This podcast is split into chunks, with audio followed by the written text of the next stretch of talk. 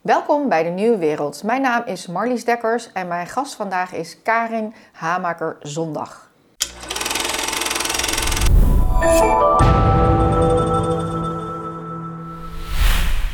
Welkom. Dank je. Astrologe Ja, en je hebt eh, gestudeerd sociale geografie en planologie aan de Universiteit in Amsterdam. Je hebt inmiddels ook echt al fans hier bij de Nieuwe Wereld. Ah, wat leuk. Ik word al van alle kanten benaderd wanneer jij weer zou komen.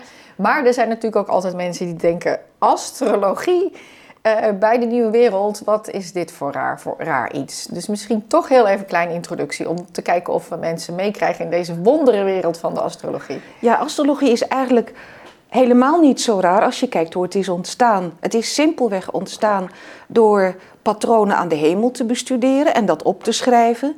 Tegelijkertijd te kijken naar patronen en dingen en gebeurtenissen op aarde. En vanzelf werden er correlaties duidelijk. Dat er toch een bepaald patroon te zien was van... als je die en die combinatie aan de hemel hebt... dan zijn er dit type gebeurtenissen op aarde. En dus je denkt dan niet in oorzaak en gevolg... maar je ziet parallelle patronen en die bleken zo duidelijk. En dan over duizenden jaren. Daar is dus een hele studie uitgekomen... die aanvankelijk alleen gericht was op landen en vorsten. En met, met, met vragen als van, eh, gaat het goed met de oogst eh, en al dat soort zaken. En geleidelijk aan begonnen ook mensen naar eh, zeg maar, belangrijke vragen over zichzelf te stellen. En is in de loop van de millennia is ook de persoonlijke astrologie ontwikkeld. Maar dat is een late tak. Dus je ziet eerst die eerste tak van simpelweg het zien van die parallellen en, het, en die patronen. En dan komt toch vooral eh, zeg maar in die latere versie van... is die prins, komt die prins er? Ja. Eh, passen we bij elkaar? Ja, dat soort dingen. Nou, weet, weet je, het is heel begrijpelijk. Hè? Je- je- mensen zijn natuurlijk heel erg nieuwsgierig naar, naar hun lot. En daar, daar heeft ook een, eh, een, een groep astrologiebeoefenaren al eeuwen geleden op ingespeeld. Op de angst en de nieuwsgierigheid van mensen. En we weten dat, dat in alle beroepsgroepen hè, zijn er charlatans. Hè, die, hè, die dan zeggen, nou kom maar bij mij en ik zal je wel vertellen hoe je het moet doen en dan gaat het goed. Nou, zo ligt het dus niet met de echte astrologie. Die astrologie, dat is een, een horoscoop. Hè. Dat, een horoscoop is ook een precieze afspiegeling van de hemel. Eh, als het voor jou persoonlijk is, voor het moment van geboorte. En voor een land bijvoorbeeld, het ontstaan van een land. Bijvoorbeeld de onafhankelijkheidsverklaring geeft de horoscoop van een land. En dat is een bepaald patroon. En de ervaring leert, en dat is echt een ervaring van eeuwen en eeuwen, dat de bepaalde cycli aan de hemel hebben betekenissen. En als die komen vast te liggen in een horoscoop, dan uh, drukken die betekenissen zich in jouw leven uit als je een mens bent, of in de patronen en ontwikkelingstendensen van een land als het om de horoscoop van een land gaat. Maar dat wil niet zeggen dat uh, jij willoos slachtoffer bent van iets wat daar hoog aan die hemel staat. Dat is zo mooi in het oude Babylonië. Daar zag men die bewegingen aan de hemel, zag men als het handschrift van de goden. Nou, we weten nu al lang dat dat geen goden meer zijn, maar ze zagen, dat van, ze zagen als het ware een vrij stabiele hemel en daardoorheen bewoog wat. Wij weten nu dat dat planeten zijn. En ze dachten, dat is wat de goden ons willen vertellen. En, en die correlaties die ze vonden waren ook met die bewegende onderdelen. Maar zoals zij dat zagen, was zo van die goden die zeggen iets, maar het is niet om ons vast te leggen. Maar als wij nou weten wat ze zeggen, kunnen wij met die goden gaan onderhandelen. En niet alleen vorsten, ook de gewone man. Zo van, ja, dat wil je nou wel, maar als ik nou de juiste rituelen doe of hier nog eens over nadenk, en kan ik dan het lot veranderen? En zo ligt het eigenlijk nog steeds. Want wat we in een horoscoop zien, zijn in feite, als het gaat om een persoonlijke horoscoop, uh, gaat het om planeten die staan voor bepaalde psychische behoeftepatronen, psychische dynamieken. En als ik bijvoorbeeld kijk naar de planeet Mars, dat is een hele een heel energiek patroon. Nou, met dat energieke patroon kan je in negatieve zin een straatvechter worden, in positieve zin een kung fu meester. Uh, en die keuze is aan jou. En dat onderhandel je als het ware. En ons onderhandelen vandaag de dag, nu we psychologie kennen, is vooral werken met je onbewuste, jezelf leren kennen, schaduwwerk doen. En dan leer je als het ware jouw script kennen. En daar heb je ongelooflijk veel aan. Ja, ja dus het is. Uh, het lot ligt niet vast. Nee. Nee. Dus dat is altijd waar jij, vind ik, heel erg uh, uh, op hamert op een bepaalde manier van zie het niet zo. Maar juist omdat jij het zo geopolitiek bekijkt, is het, en er is natuurlijk nu ontzettend veel aan de hand. Dus ik keek er ook heel erg naar uit. Ehm, ben ik toch benieuwd uh, hoe jij al die crisissen op crisissen, zeg maar, waar we nu in zitten, hoe jij die ziet. Maar toch eerst even een jaar geleden ongeveer. Toen uh, hadden we ook zo'n geopolitieke duiding. En toen zag jij toch vooral, uh, weet je, hoe de planeten stonden van nou, financiële crisis of op, op financieel gebied. staan de planeten nu in ieder geval zo. Hè? Je zegt altijd het kan twee kanten opvallen, maar zorgwekkend. Ja, en dat is nog steeds zo. Die patronen zijn nog niet voorbij. Maar astrologie signaleert een thematiek. Mhm. En signaleert ook de urgentie om er iets aan te doen. Maar het is aan ons wat we ermee doen. En als we bij vorige urgenties niet of onvoldoende aan de zaak hebben gewerkt en die thematiek herhaalt zich, dan krijgen we de nieuwe urgentie op ons bord, maar ook nog dat wat is blijven liggen van de oude urgentie. troep van. Uh, Precies, er, moest nog meer opgeruimd worden. Nou, en we hebben gewoon sinds 2007 die crisis hebben we niet opgeruimd. We zijn, we zijn, we zijn in een, in een schuldeneconomie terechtgekomen. Dat heeft tot die crisis geleid. En wat hebben we gedaan? Van 2008. Precies. En wat hebben we gedaan? We hebben die, die proberen af te stoppen met nog veel meer schulden maken. En we zitten nu, deze jaren, in een patroon. Eigenlijk moet ik zeggen dat 2019 het jaar was waarin het eigenlijk finito was. En we zitten nu aan allerlei kunstmatige infusen, maar het is afgelopen. En, wat is afgelopen? Het, het, het, financieel systeem zoals het tot nu toe speelde. Dus het wordt gerekt en gerekt, maar we gaan dus naar een moment toe waarbij de rek eruit is.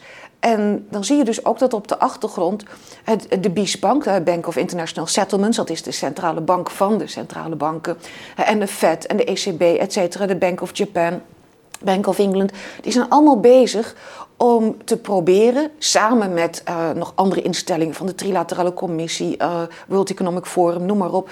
Die, die zijn bezig om het financiële systeem zo ongelooflijk ingrijpend te veranderen. Uh, je, je ziet wel allerlei dingen naar buiten komen erover, maar het wordt niet goed gecommuniceerd aan de gewone man. En dat doet mij eigenlijk heel erg denken aan wat vlak na de Tweede Wereldoorlog in Nederland het zogenaamde tientje van Liefding was.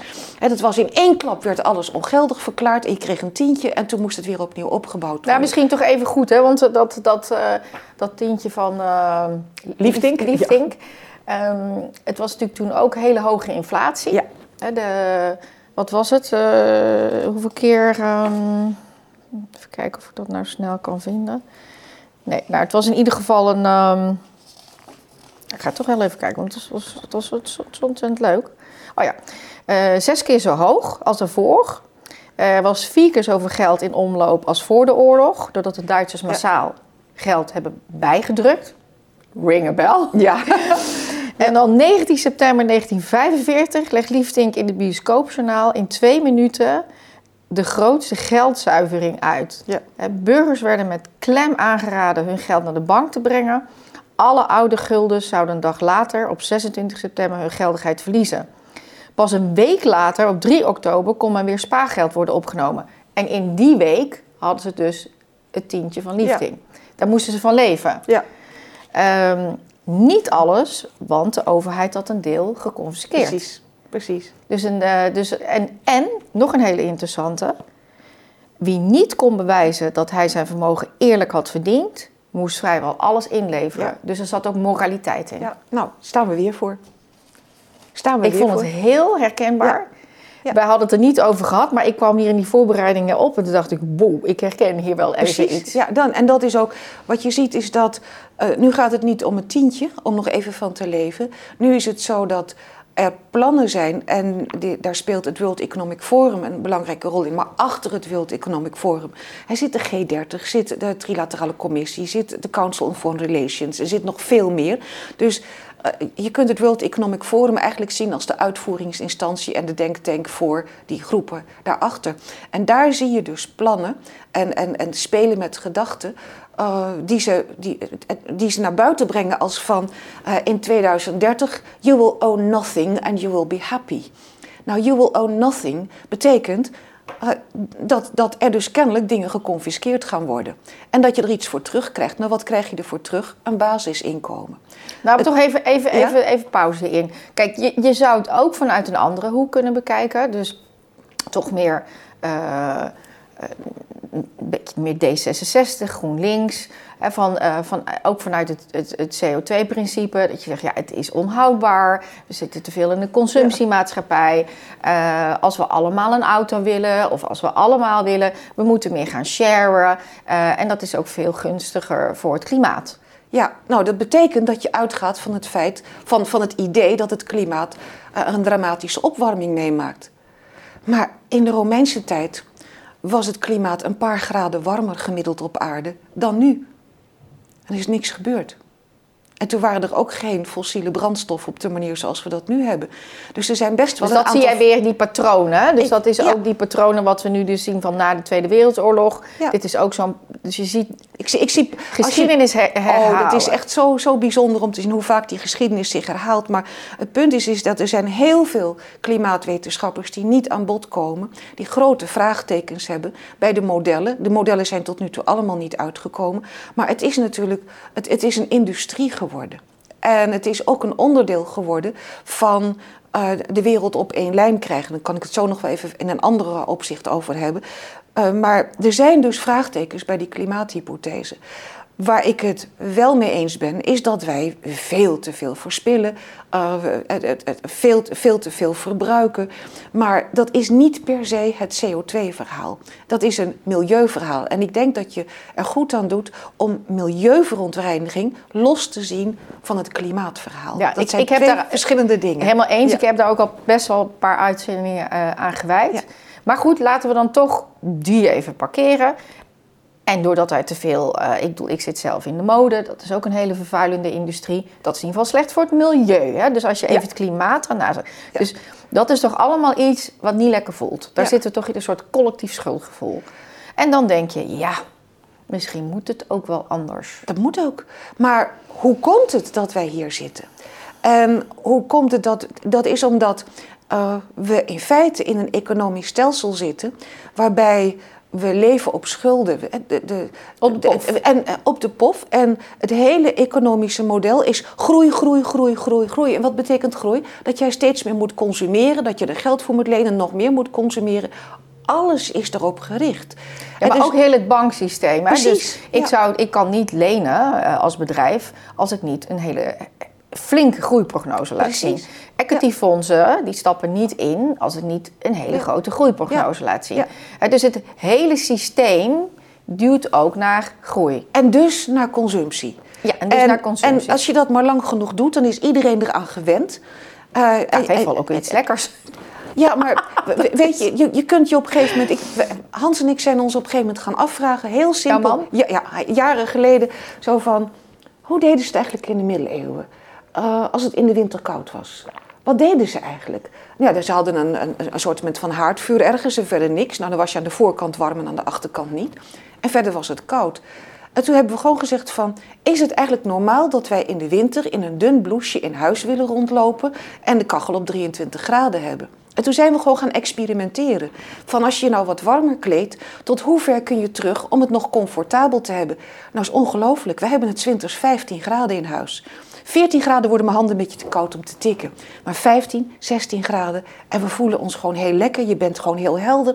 Door stomweg is tegendraads te denken en te denken van... ja, maar moeten wij wel zoveel consumeren? Kijk, we hebben er nu Ja, maar- profijt maar de van, want die gasprijs is nu... eh, De ondernemer in mij... eh, ja, die uiteraard. Die, wil, die heeft zoiets van, ja, leuk, leuk dat romantische idee. Ja. Ehm, maar eh, ja, is het dan op zo'n moment dat de planeten zeg maar zo staan dat ze eh, ons dat willen laten inzien? Een soort bezinnings, eh, bezinningsstand, moet ik het zo zien? We hebben te maken gehad met, en heb ik het al eerder over gehad, met wat we noemen in de astrologie de drievoudige conjunctie. En dat is een hele zeldzame configuratie waarbij eh, we een paar cycli hebben die samenkomen, die van Jupiter-Saturnus, die van Saturnus en Pluto en van Jupiter en Pluto. Gebeurt maar zeven keer in de duizend jaar. En als die drie samenkomen, dan zie je eigenlijk dat in één klap de vraag op tafel komt van wat heb je eigenlijk met je economie gedaan? En, maar dan op zo'n diep niveau dat de betonrot en de metaalmoeheid en alles aan bod komt en ook eh, alle verkeerde gedachten en die moeten dan uitgewerkt worden. Nou heb je tot dan toe helemaal niks opgelost, dan is het een drama. Heb je een heleboel dingen wel opgelost, dan is het puntjes op de i. Dus een astroloog kan nooit vertellen van dan wordt het echt heel ernstig. Maar ik wist wel, omdat ik wist van we hebben nooit opgelost. We zijn alleen maar verder gegaan in die schuldeneconomie. In 2019 waren we eigenlijk op, op, op, op het uh, point of no return gekomen. was ook de repo-crisis die daarmee te maken had. Maar dus ik wist gewoon dat die, die drievoudige conjunctie die in 2020 begon, dat dat een hele ernstige zou zijn, gezien het niet-astrologische wat erbij komt kijken. Dus ik wist dat dat een soort afrekenmoment is. En wat er dan gebeurt is, dan kregen we de coronacrisis. En of corona nu uh, kunstmatig in een laboratorium is opgewekt of dat het toch natuurlijk is, dat doet er niet toe. Het was wel heel makkelijk te gebruiken als een excuus om de hele financiële crisis te bedekken. En, te laten, en er kwam dus ook ontzettend veel geld, werd er extra in het systeem gepompt om mensen te helpen, et cetera. Dus nu kunnen we wijzen naar, het is eh, de coronacrisis, waardoor we financieel het steeds moeilijker hebben gekregen. Maar daarvoor was het eigenlijk al mis. En we zitten nu in, om even terug te grijpen op, op daarnet, we zitten eigenlijk in een systeem dat de pensioenfondsen dat die, uh, die, die, die, die lijken heel veel geld te hebben, maar die hebben geïnvesteerd, verplicht geïnvesteerd in staatsobligaties. Maar de vraag is of die staatsobligaties nog wat waard zijn.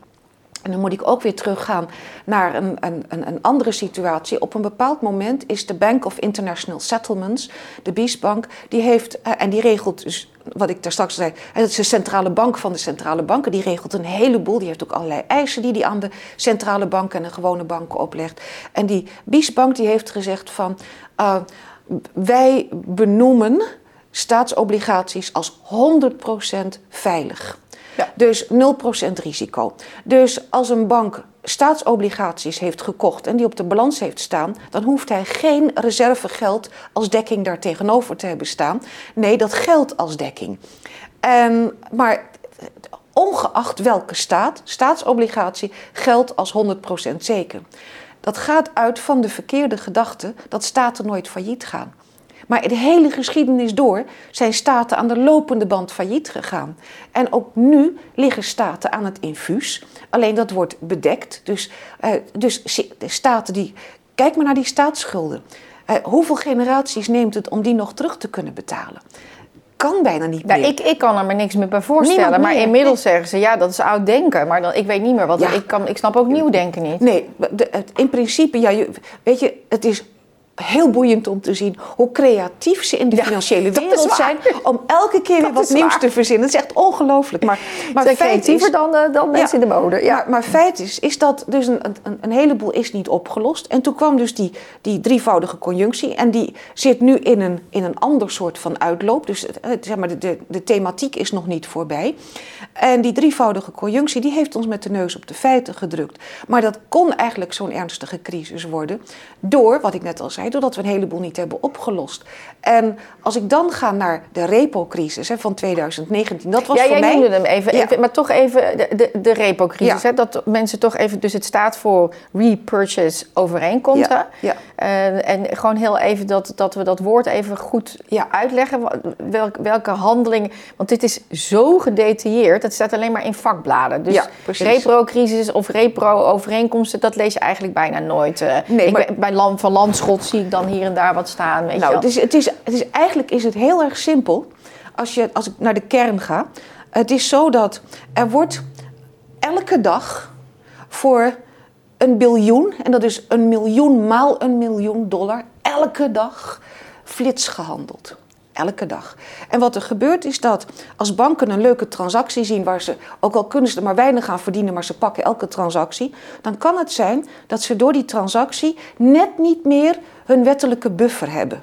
Dus dan moeten ze, uh, maar voor 24 uur moeten ze even geld hebben maximaal twee weken, maar meestal is het maar 24 uur. Dus dan gaan ze naar de repo-markt. Maar er zijn ook banken en ook andere geldschieters, ook pensioenfondsen, die zeggen van ja, maar ik zit boven mijn wettelijke mm, eh, minimum, dus ik kan wat geld lenen en dan krijg ik lekker wat rente.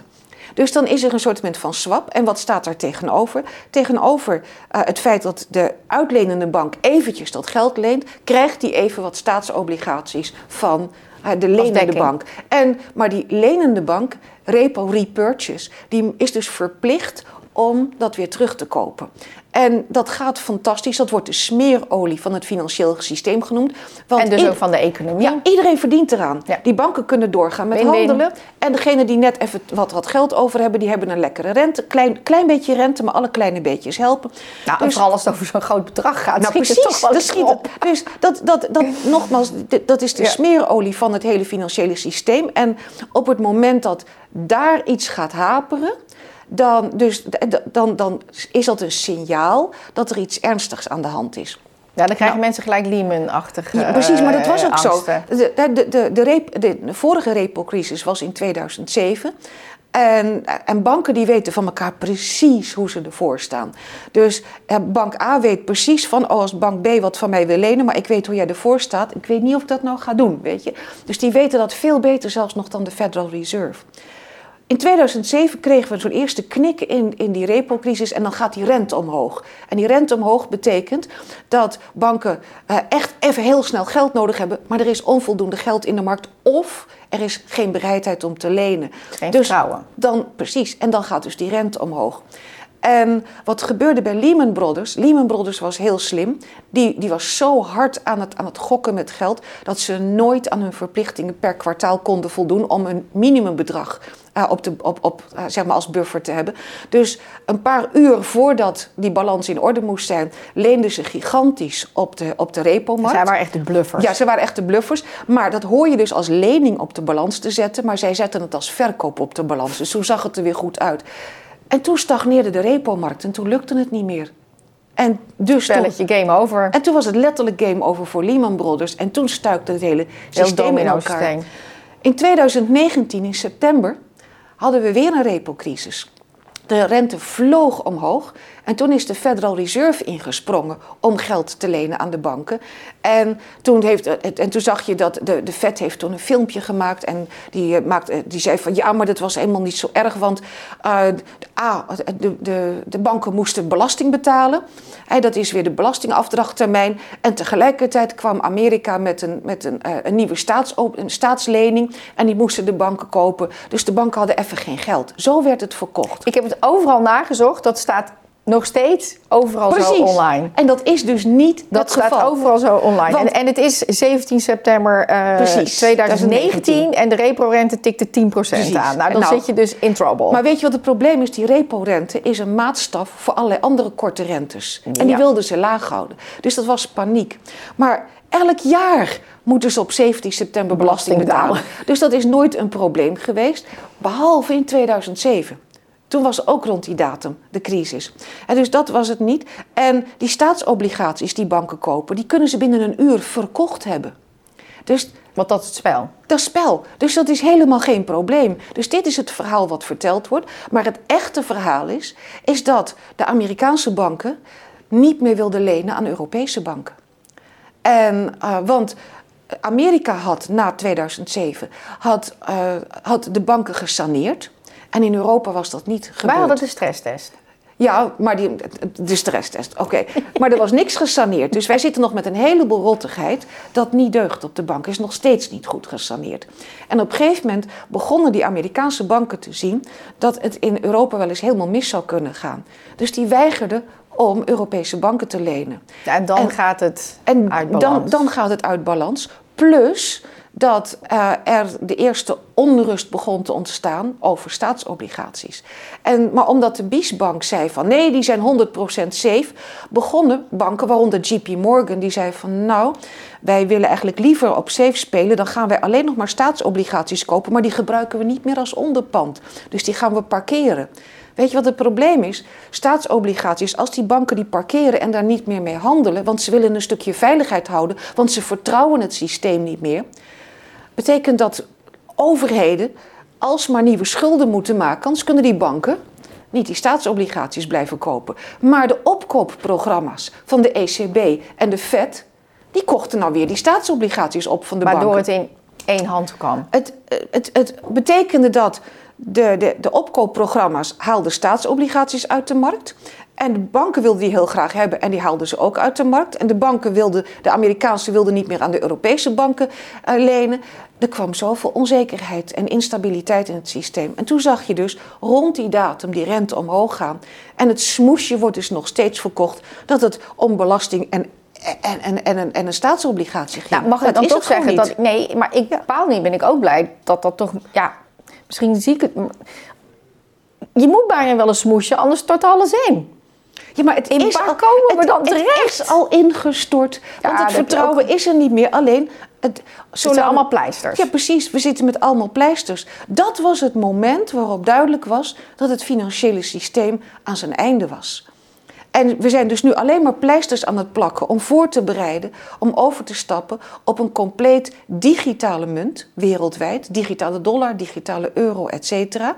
En dan kunnen we in één klap het systeem veranderen. Dat is dus de modernste variant van het tientje van Liefdink, om het zo maar te zeggen. En, dat, dat, en, dan, en in dat systeem mensen hebben schulden, hebben hypotheken, staten hebben schulden. In dat systeem is wat op de achtergrond gewoon gezegd wordt. En van verschillende bronnen heb ik dat. Dat dan in één klap alle schulden uh, nietig worden verklaard. En dat, uh, hoe kan het dan? Als jij een hypotheek hebt, dan kan je in je huis blijven wonen. Maar dan vervalt je huis aan de staat of aan hoe die financiële organisatie dan is. Maar je blijft er gewoon wonen, maar dan is het niet meer je eigendom. En dan heb je die deeleconomie. Dan heb je niet die deeleconomie. Want dan, is er namelijk, dan verschuift er een heleboel echt eigendom naar... Assets naar de naar overheid. Of de overheid of een andere partij. Een financiële partij, dat weten we nog niet. Maar jij hebt dan dat eigendom niet meer. En uh, er is één ding dat, dat de geschiedenis steeds weer laat zien: dat op het moment dat iemand geen eigendom meer heeft, zie je ook dat hij een verlies aan zeggingskracht heeft. Maar dat is niet hetzelfde als de deeleconomie in het, en het helpen van elkaar. Het is een verschuiving van eigendom. En als je kijkt naar Karstens, Karstens of Karstens, de, dat is de, op het ogenblik de CEO van de Biesbank.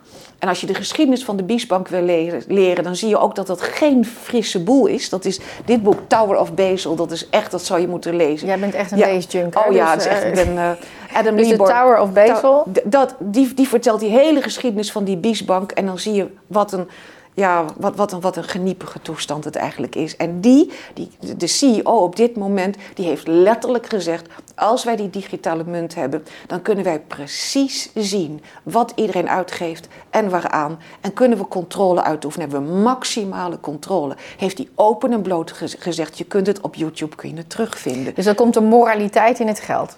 Nee, er komt macht Macht en het moraliteit.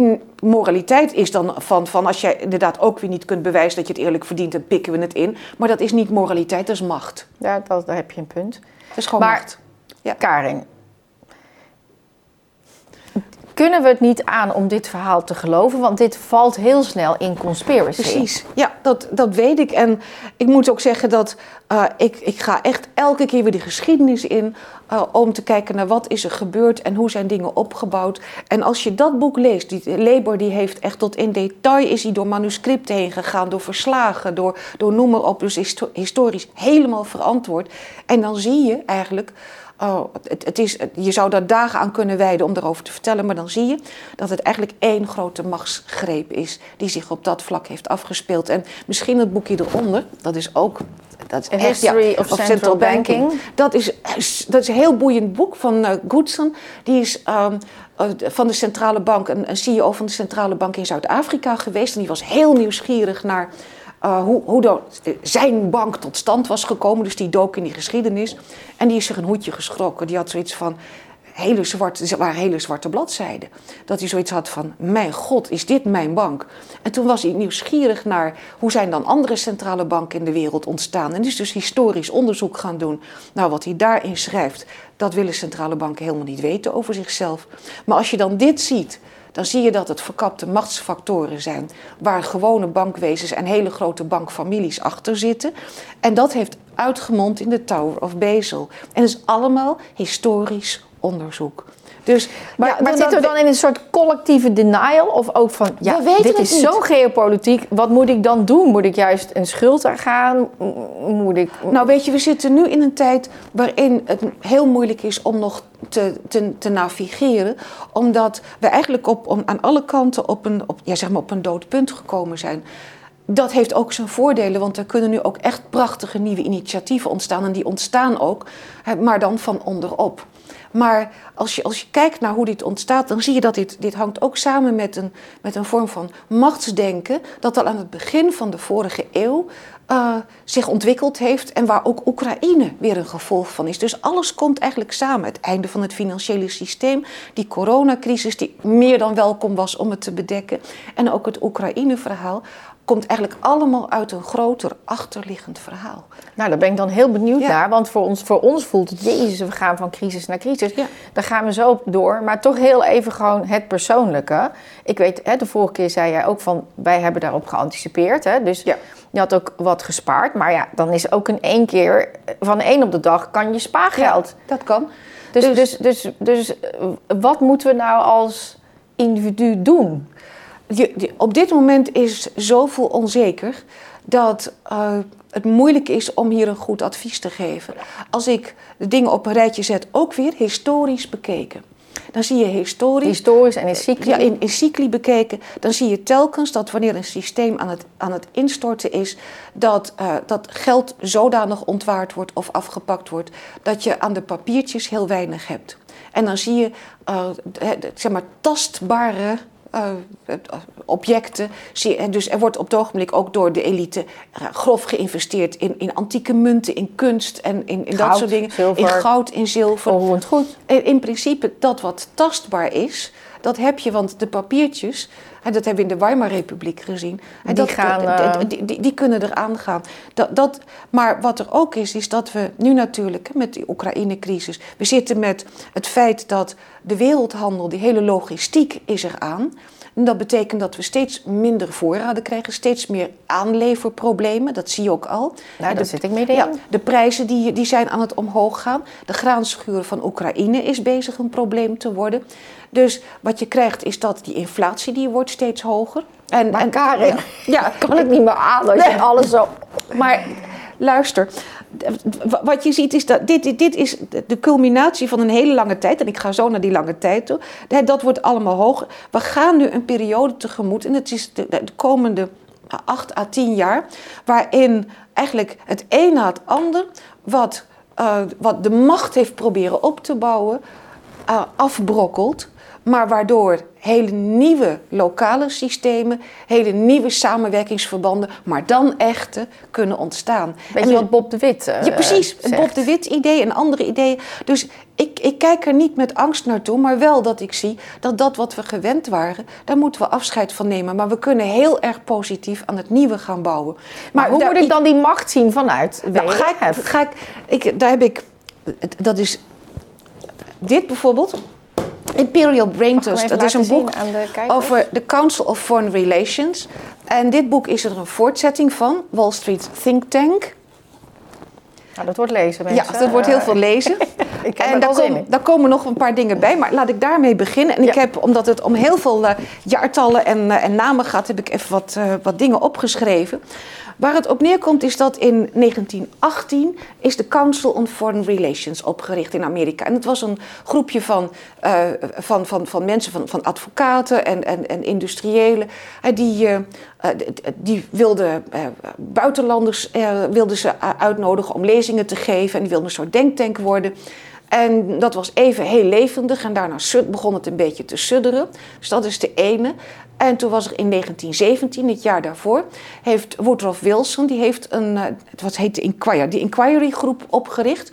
Eh, om voorbereidingen te treffen voor de vredesbesprekingen van Versailles. Als eenmaal de Eerste Wereldoorlog afgelopen zou zijn, om, om dan de vredesbesprekingen voor te bereiden. Nou, die Inquiry groep heeft dat gedaan. Daar zaten wetenschappers in, advocaten, et cetera. En die inquiry groep die had op een gegeven moment zoiets van... goh, wij vinden het eigenlijk best wel leuk om samen met Engeland... want Engeland was toen nog een wereldmacht... om samen met Engeland een soort van overkoepelende groep te maken... om bezig te zijn met allerlei wereldaangelegenheden. En, en vooral op vredesgebied en oorlogsgebied. En die waren, die waren aan het onderhandelen. En toen zei Engeland op een gegeven moment van... nou nee, wij willen liever uh, zelfstandig blijven. Dus daar stond die Engelsen zijn altijd ja, eigenlijk. Engelsen. Dus wat gebeurt... en die groep, dat, die, die inquiry, die was, dat waren 150 uh, academici... En uh, wat die toen zeiden, toen was het zo van... maar we willen wel gewoon een grotere machtsbasis hebben. Met wie kunnen we ons dan wel verbinden? En toen kwam de Council on Foreign Relations kwam, uh, kwam in het zicht. Die, toen zijn daar besprekingen gevoerd. En toen zijn die twee gefuseerd. En dat was 29 juli 1921. Zijn die officieel samengegaan, die twee. En dat werd een groep die, uh, toen ze samen gingen, toen hebben ze ook de duizend allerrijksten in Amerika aangeschreven van kunnen jullie fondsen bieden, want we willen ook een tijdschrift gaan beginnen. Dat, dat uh, dat, dat is er nog steeds, dus dat is, in 1922 is dat begonnen. En deze groep die is in no time, omdat ze zich verbonden met die allerrijkste, is het een machtsfactor van je welste geworden. En deze groep die begon dingen te bedenken over van hoe het met Amerika verder moest gaan. En die groep zei op een gegeven moment van Engeland een wereldnatie? Nee, Amerika heeft het recht om dat te zijn. Dus wij moeten ervoor gaan zorgen dat Amerika de hege hege hegemonie heeft. En werd het een soort parallele macht? Ja, parallel, ja, het werd de macht in feite. En dan zie je, even kijken hoor, hier. Ze noemen zichzelf onafhankelijk. Even kijken hoor. Ja, dan komt de. Uh, dan breekt de Tweede Wereldoorlog uit. En dan is dit echt een hele machtige groep al. Heel erg rijk. En eh, ook bankiers zitten erin. En die zijn dus al, al lang bezig. Ze zitten al in de Federal Reserve. Maar ik slijf wat stappen over. Want dan komt een heel belangrijke fase. En dat is uh, 12 september 1939. Dat was dus vlak na het uitbreken van de Tweede Wereldoorlog. Uh, zijn een aantal leden van die CFR naar Washington gegaan, naar de regering gegaan. Want wat was er aan de hand? De, uh, de onderminister van, de, van Buitenlandse Zaken, assistentminister van Buitenlandse Zaken, was een CFR-lid. En dus ging een clubje van de CFR met hem praten van... kunnen wij niet samen gaan kijken wat Amerika gaat doen in deze periode? En Amerika, uh, ja, het Amerikaanse volk wilde helemaal geen oorlog. Maar zij zeiden van... Wij hebben die oorlog nodig om Amerika sterk te maken in de wereld. Dus die begonnen daar. Vanuit macht te denken. Die, die begonnen aan die macht te denken. En zij hebben een, een War and Peace Study Project hebben ze het opgericht. Kan, het is altijd cynisch, hè? Ja, het is altijd cynisch. War and Peace Study Project. En daar heeft de Rockefeller Foundation de kosten van gedragen. Dus die zat daar uh, inmiddels ook in. En op 8 december 1939 is dat project van start gegaan. En ze hebben dus een aantal commissies ingesteld. Economisch en financieel, politiek, bewapening, territoria. En als laatste vredesdoelen. Ah, goed. En wat je dan ziet is dat zij zeggen, wat, wat, wat zij dus zeiden, en daar zijn dus allemaal memo's van, van Amerika moet in de Tweede Wereldoorlog gaan deelnemen. Die moeten dus gaan deelnemen. Ja, maar dat kan je ja. ook weer zien vanuit het goede. Hè? Ze moeten helpen. Dat verkopen ze op die manier. Ja. Maar het was een ander. Het, wat ze zeiden is: het, zij moeten gaan deelnemen om overal militaire basis te hebben. Om straks ervoor te kunnen zorgen dat de grondstoffenleveranties uh, aan Amerika uh, door kunnen blijven gaan.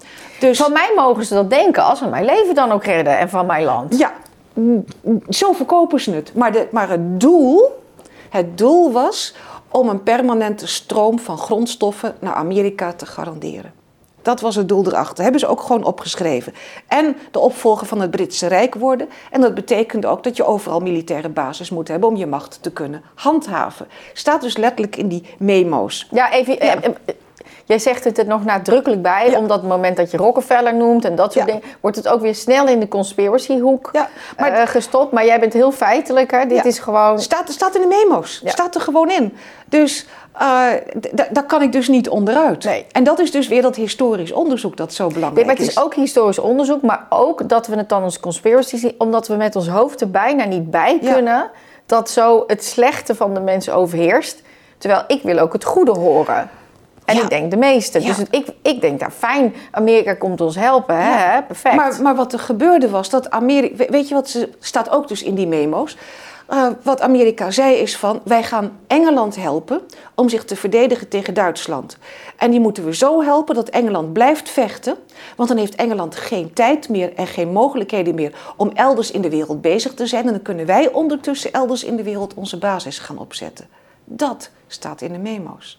Je kan er niks mooiers van maken. Het, het, het... het is ook zo'n soort lelijkheid die je, die je niet wil zien of zo. Ja, ja.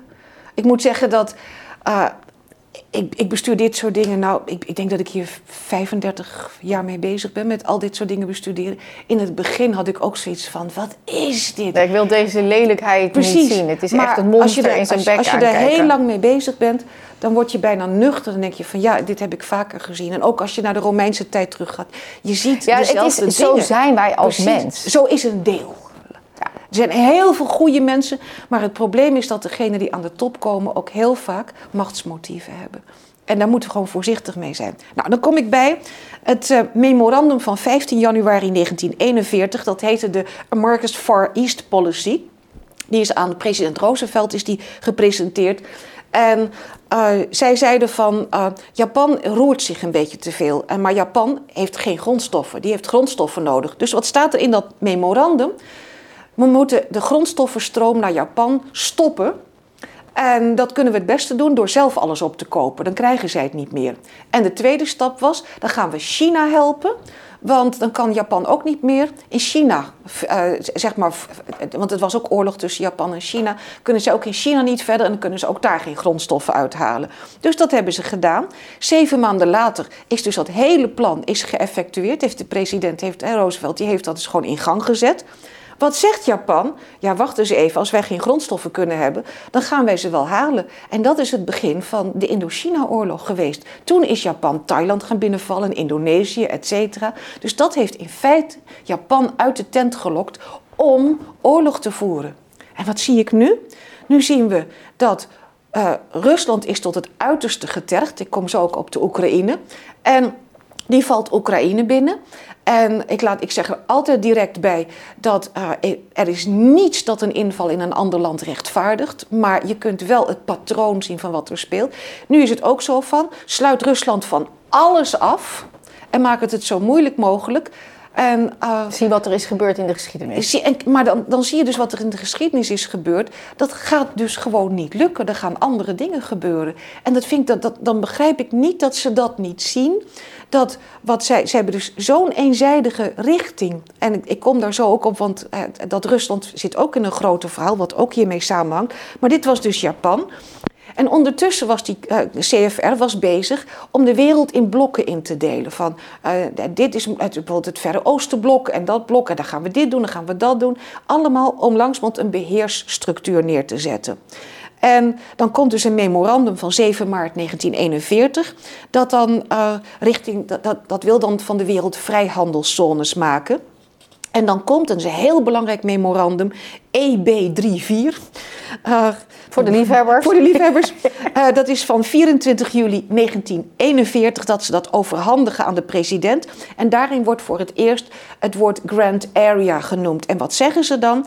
De hele wereld, ja, we zitten nog in oorlog. Duitsland heeft een stuk van Europa, dat kunnen we nog even niet meetellen. Maar de rest van de wereld is ons grote gebied, ons Grand Area. En dat delen we helemaal in.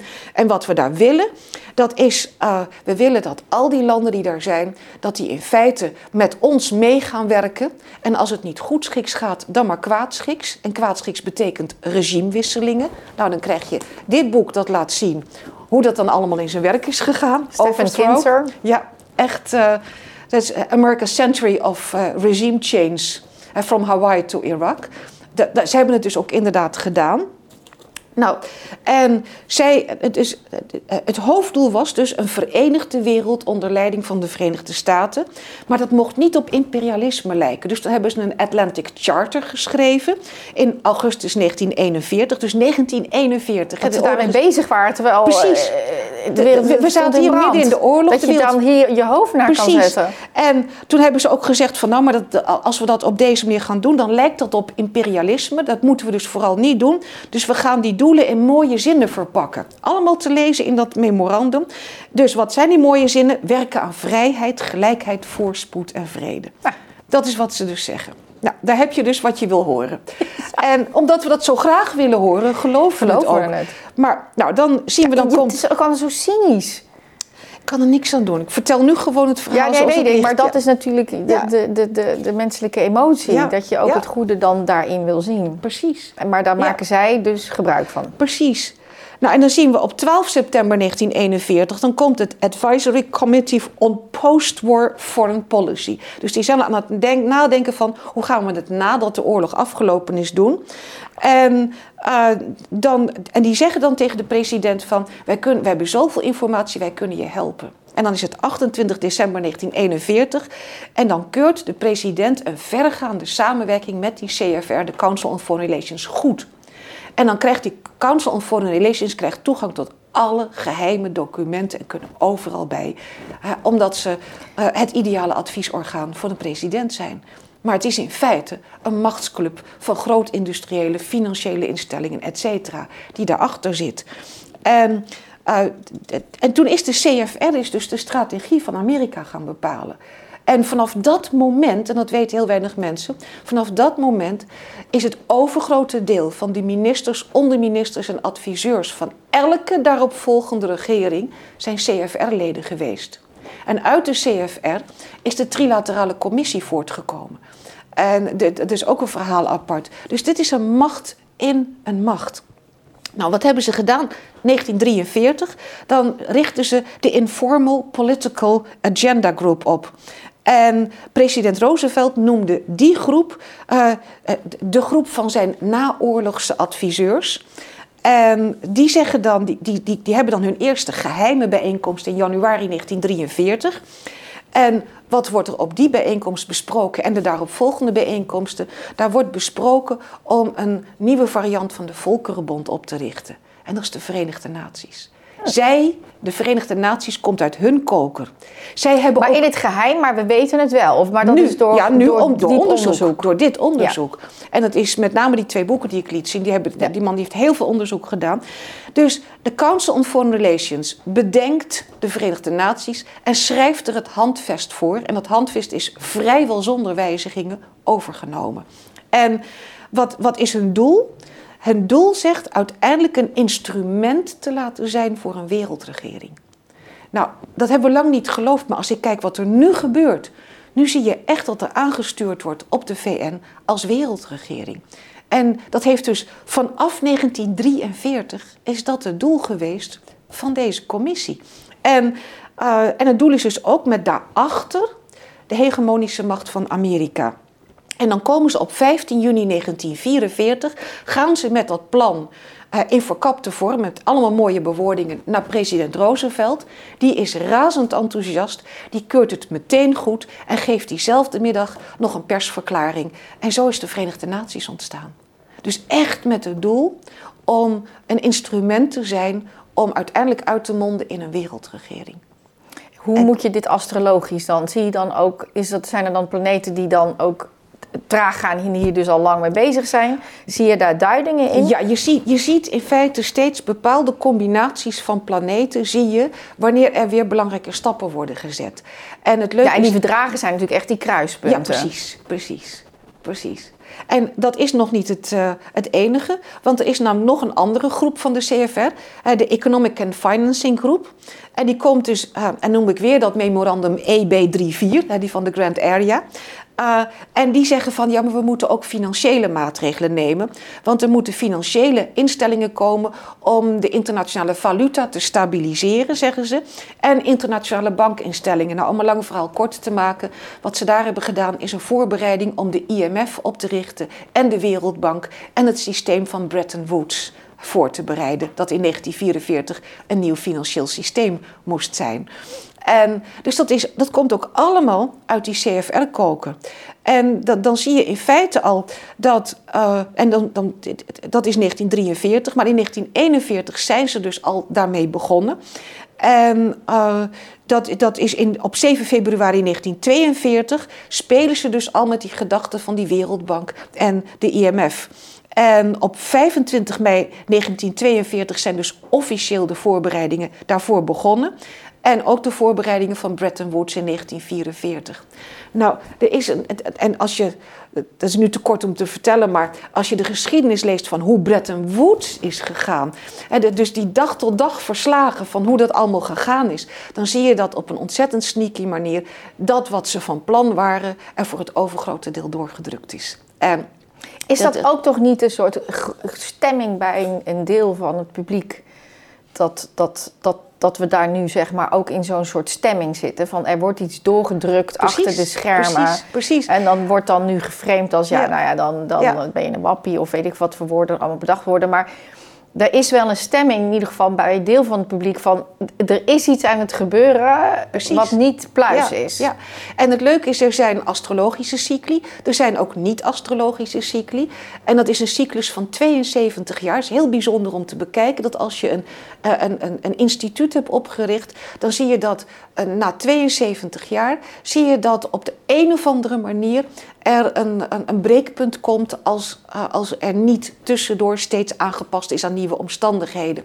En als je bijvoorbeeld kijkt naar 1917, de Russische revolutie, tel daar 72 jaar bij op, waar komen we dan? Oh, ik kan niet zo snel rekenen. 1989, okay. val van de val muur. De muur ja. En waar zitten we nu? Als we kijken naar, en je moet het niet op één jaar nemen, maar dan zit je in zo'n ja. periode eromheen. Nou, als ik kijk naar uh, de Bretton Woods 1944, dan zijn we het, het, het, het, station van 72 jaar gepasseerd en we hebben niks veranderd. En dat is ook het einde van die cyclus. Met andere woorden, zijn meerdere cycli. Ook meerdere lijnen die, die, die, die, leiden naar, naar, naar het feit dat we nu in een waanzinnig omslagpunt zitten. Maar dat is ook een mogelijkheid om dit gedoe, die macht die dus daar naartoe ging, die is bezig zichzelf te breken op het moment. Kom ik zo op. Ik maak even dit CFR-verhaal af, want het is echt uh, ongelooflijk. Dan zie je dat die, uh, die, die, die War and Peace Studies van 1943, die begon al te denken van... 43 zeiden ze van, Duitsland gaat de oorlog verliezen. Dus onze Grand Area moeten we uitbreiden. We gaan Europa er ook bij nemen. En toen hebben ze gezegd van, wij willen in feite, willen wij die hele wereld, China was nog niks hè, in die tijd. Dus we willen die hele wereld, die willen we onder ons, ons beheer hebben. Maar die Sovjet-Unie is een beetje lastig. Het is nu wel fijn dat die met ons meevecht hè, tegen Hitler. Ja, die was heel bepalend in de Tweede Wereldoorlog. heel bepalend. Maar uh, dat, dat zijn een paar ijzerheidige figuren. En de CFR heeft altijd een hekel gehad aan, aan, aan de Sovjet-Unie en aan Rusland. Dat is altijd de vijand geweest. Dus wat hebben ze gezegd? Ze hebben toen gezegd in 1943 van, en dat heb ik net bij over, dat boek Overthrow laten zien. Wij willen dat alle regeringen op de wereld met ons meedenken. Dan doen we alsof we ze helpen. We helpen ze een beetje, want dan blijven ze meedoen. Maar als ze tegen ons ingaan, dan gaan we dat Russische inmenging noemen. 1943 is dat vastgelegd. Vanaf dat moment zie je non-stop alsmaar dat alles Russische inmenging wordt genoemd. Overal. Dus Rusland werd. Als de centrale vijand. De centrale vijand. En dat, werd, dat escaleerde, want toen die oorlog afgelopen was, uh, kom ik uh, memorandum van 31 juli 1945. Dat heette The Post-War Treatment of Germany. En wat zei de CFR? Duitsland moet zo snel mogelijk weer een goed functionerend land worden. En maar de, de, de, oorlogsindustrie moet ontmanteld worden, de naties moeten eruit, maar het moet zo snel mogelijk een goed economisch draaiend land worden. A, dan hebben wij een nieuw afzetgebied voor onze producten, dat was heel belangrijk. B, om dat te bereiken moet er een economie zijn die draait, maar moeten ze ook niet al te zwaar lijden onder de, onder de oorlogsschuldbetalingen, want anders dan wordt het geen goede uh, economie. En wij willen Europa als buffer tegen Rusland. En ze hadden dus ook al plannen om alle Oost-Europese landen te verenigen in, in een soort van grote handelszone met een eigen bank en alles. Nou, dat is niet doorgegaan. Maar de EU was, komt ook uit de koker van de CFR. En wat op een gegeven moment is toen gezegd van... moeten al die Oost-Europese landen moeten bij de EU tot aan de grens met de Sovjet-Unie. En dat is dus later Rusland geworden. En want dan hebben wij daar, dan kunnen we zo ver mogelijk opdringen en dan kunnen we Rusland onder druk zetten om, uh, ja, om, om uiteindelijk Rusland ook mee te krijgen. En toen nog de Sovjet-Unie en nu Rusland, om die ook mee te krijgen in de Grand Area gedachte. Nou, toen Rusland en de Sovjet-Unie had ontzettend geleden onder, die, ehm, onder, onder de Tweede Wereldoorlog. Ja. En die wilde zware herstelbetalingen. En Amerika heeft gewoon gezegd van no way. Dus Rusland heeft niet zijn zin gekregen. En dat is het begin van de Koude Oorlog geworden. Want, en ook Griekenland heeft een heleboel betalingen niet, niet teruggekregen. Er zijn nog veel meer dingen. Maar, dus, afijn, wat er dan gebeurt. Sovjet-Unie, Koude Oorlog. En NATO, eh, die dan eh, steeds belangrijker wordt. En dan valt in de jaren negentig de, de, de Sovjet-Unie uit elkaar, hebben we Rusland. En dan zie je dat er een verdrag komt tussen Amerika, Europa en Rusland. Zo van, er komt een zone die, die helemaal neutraal wordt. Oekraïne is neutraal. Oekraïne had ontzettend veel kernwapens. Die zijn allemaal terug naar Rusland gegaan. En Rusland zei van wij zullen Oekraïne beschermen dat, en, en, wij zullen niet binnenvallen. Het is een neutraal land. En de NATO die beloofde om zich niet verder uit te breiden dan de Elbe. Dan waar ze toen waren. En wat er gebeurd is, is dat de NATO is zich wel gaan uitbreiden. En heeft zich dus niet aan de belofte gehouden. En Rusland heeft keer op keer, eerst Yeltsin en daarna Poetin, gevraagd van... jullie hebben dit keer op keer mondeling bevestigd, maar, maar we willen het zwart op wit hebben. Is ze niet gegeven. En wat je ziet is dat uh, nu Oekraïne... en Oekraïne wordt dus al, al, al genoemd in uh, de jaren 40 bij de CFR uh, als een heel belangrijk gebied. dat, dat, die moeten ze bij Europa proberen te krijgen. Om, Vanuit de grondstoffen? Ja, om, en om Rusland onder druk te ja. zetten. Dus dubbel dus van, van, dubbel, ja. Dus Oekraïne, en als ik dan kijk naar dit boek Between Two Ages... En dat is van Brzezinski, dat is uh, de medeoprichter van de, uh, van de Trilaterale Commissie. En, Between uh, Two Ages? Ja, die, die laat ook zien hoe belangrijk Amerika moet worden. Maar die heeft dan ook nog eens de technocratie erbij gehaald. Daar gaan deze twee boeken weer over. Uh, ook dat is een, een, verhaal apart. Maar dat, dat zit eigenlijk weer achter het World Economic Forum. En wat je nu ziet is dat eigenlijk de EU, het World Economic Forum, de NATO... eigenlijk allemaal onder één hoedje spelen met daarachter de Trilaterale Commissie en de Council on Foreign Relations, die niet anders willen dan eigenlijk uh, de, de, de, grens van het Westen oprukken, op laten uh, rekken tot aan Rusland toe. En wat er gebeurt is dat zij wisten van het begin af aan dat Rusland uh, geen uh, lidmaatschap van de NATO van Oekraïne zou toestaan, want dat was ook buiten de afspraken om. En op de veiligheidsconferentie van uh, afgelopen februari heeft Kamala Harris gezegd van als Oekraïne bij de NATO wil, dan, dan is dat wat we moeten respecteren. En het zijn ook de. Klinkt ook weer redelijk. Ja, hè? natuurlijk. Maar dan hou je dus geen rekening met die historische belofte. En weet je, het punt is dat als, als dat zo zou zijn, dan zou de NATO op 10 kilometer van de Russische grens kern, kernraketten kunnen neerzetten. En, maar wat deed Amerika toen Rusland op Cuba kernraketten wilde neerzetten? Hadden we de Cuba-crisis. Dat mocht niet.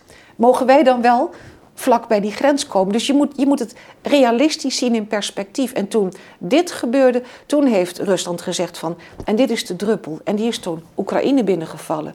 En Finland en Zweden zitten dus ook in het pact van neutrale landen blijven... en niet bij de NATO. En die willen nu versneld bij de NATO. En ik hou me hard vast. Want dit is dus het, het uitlokken van Rusland. Maar nu het volgende. Die CFR had dus op zijn lijstje staan eerst Hitler eraan, daarna de Sovjet-Unie en dan zorgen dat je China onder de duim houdt. En China was dus nog heel weinig, Ja. Mao was er. Dus daar moest je vriendjes mee worden en kijken of je die mee kon krijgen. Nou, dat liep allemaal niet zo lekker. En toen kregen we opeens kregen we Trump. Dus toen werd Trump aan het rijtje toegevoegd. En toen was de Sovjet-Unie uit elkaar gevallen, dus hadden we Rusland. Dus eerst moest Trump weg. Vervolgens moet Rusland weg. En daarna China.